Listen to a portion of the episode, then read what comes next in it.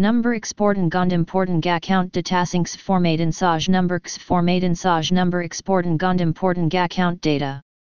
Step to exporting and importing account data using CSV format in Sage.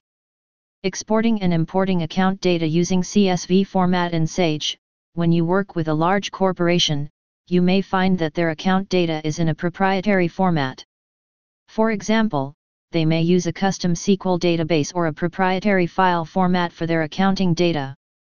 Fortunately, there are ways to export and import this data using the CSV, comma separated values, format in Sage. This post will walk you through the steps necessary to do this.